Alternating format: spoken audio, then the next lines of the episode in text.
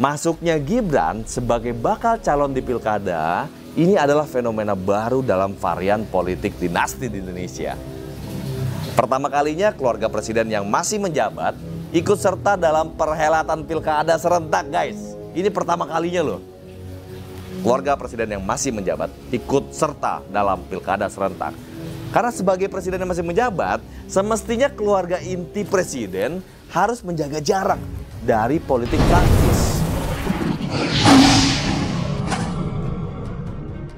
Ya, Assalamualaikum warahmatullahi wabarakatuh teman-teman semua. Balik lagi bersama gue Vasco Rusemi di Macan Idealis.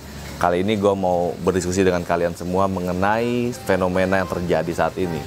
Politik dinasti, ya apalagi kalau bukan kekuasaan. Politik dinasti dapat diartikan sebagai sebuah kekuasaan politik yang dijalankan oleh sekelompok orang yang masih terkait dalam hubungan keluarga Dinasti politik lebih identik dengan kerajaan.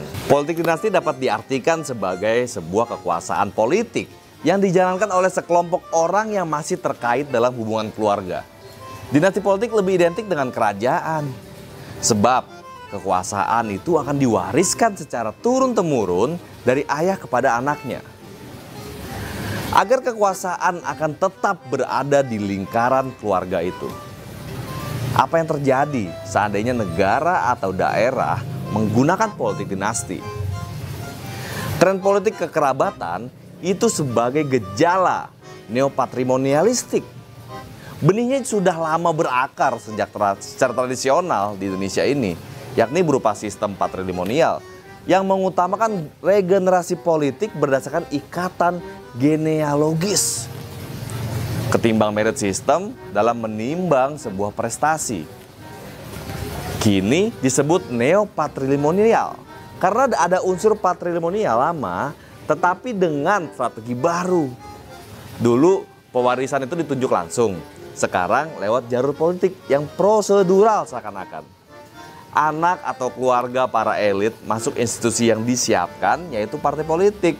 Oleh karena itu patrimonialistik ini terselubung oleh jalur prosedural. Dinasti politik itu harus dilarang dengan tegas. Karena jika makin maraknya praktek ini di berbagai macam pilkada yang ada di Indonesia dan pemilu legislatif, maka proses rekrutmen dari kaderisasi di partai politik tidak berjalan atau macet. Jika kuasa para dinasti di sejumlah daerah bertambah besar, maka akan kian marak korupsi sumber daya alam dan lingkungan kebocoran sumber-sumber pendapatan daerah, serta penyalahgunaan APBD dan APBN pastinya. Di sini gua mau mencoba menjabarkan hal-hal yang mengakibatkan munculnya politik dinasti di Indonesia. Yang pertama itu adanya keinginan dalam diri ataupun keluarga untuk memegang sebuah kekuasaan. Lalu adanya kelompok yang terorganisir karena memang ada kesepakatan dan kebersamaan dalam kelompok itu sehingga terbentuklah penguasa kelompok dan pengikut kelompok. Lalu adanya kolaborasi antara pengusaha dan penguasa untuk menggabungkan kekuatan modal dengan kekuatan politisi. Jadi adanya pembagian tugas antara kekuasaan politik dengan kekuasaan modal sehingga mengakibatkan terjadinya KKN. Nah, Teman-teman semua, akibat dari politik dinasti ini, maka banyak sekali pemimpin lokal menjadi politisi yang mempunyai pengaruh besar. Sehingga semua keluarga, termasuk anak-anak dan istri berbondong-bondong untuk dapat terlibat dalam sistem pemerintahan. Maka akan terjadi dampak negatif apabila politik dinasti itu diteruskan. Menjadikan partai politik sebagai mesin politik semata itu pada gilirannya akan menyumbat fungsi ideal partai sehingga nggak ada lagi target lain kecuali kekuasaan. Nah, dalam posisi ini, rekrutmen partai lebih didasarkan pada popularitas dan kekayaan caleg serta calon kepala daerahnya untuk meraih kemenangan. Di sini kemudian muncul calon-calon instan dari kalangan selebriti, pengusaha, darah hijau atau politisi dinasti yang tidak melalui proses kaderisasi yang tepat. Sebagai konsekuensi logis dari gejala pertama, itu adalah tertutupnya kesempatan masyarakat yang merupakan kader handal dan berkualitas. Sirkulasi kekuasaan hanya berputar di lingkungan elit dan pengusaha semata.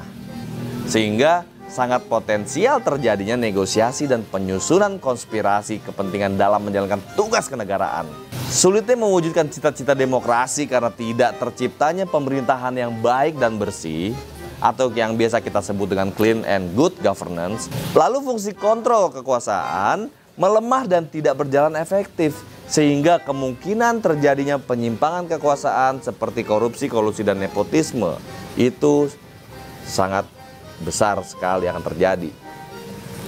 Dengan politik dinasti, membuat orang yang tidak kompeten memiliki kekuasaan, tapi hal yang sebaliknya pun bisa terjadi di mana orang-orang yang kompeten menjadi tidak terpakai karena alasan bukan keluarga.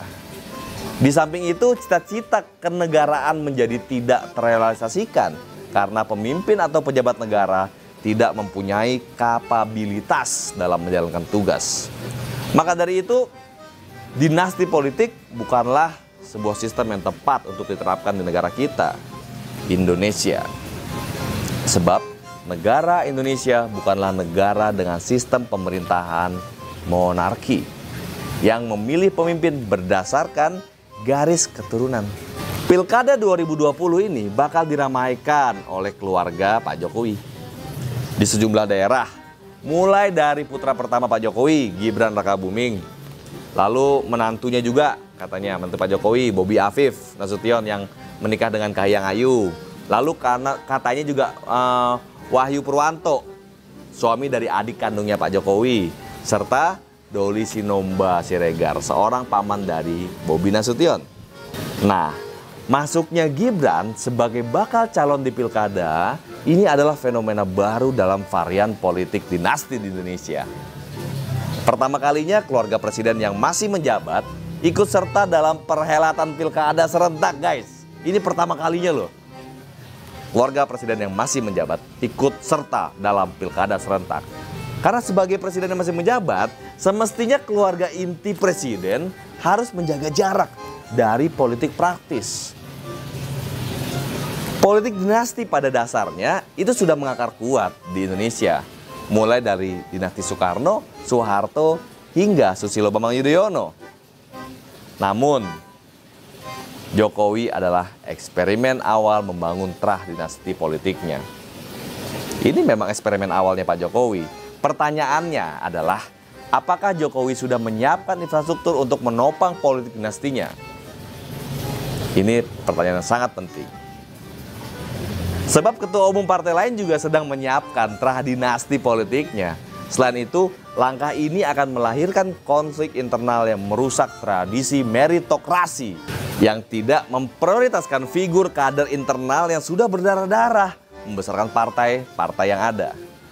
Jika Jokowi mempersiapkan infrastruktur politik dan penopang lain untuk membangun dinasti politiknya, maka Jokowi akan distempel sebagai penyalahgunaan kekuasaan menyalahgunakan kekuasaan jika itu terjadi. Nah, teman-teman semua, bagaimana pandangan kalian mengenai politik dinasti yang ada di Indonesia?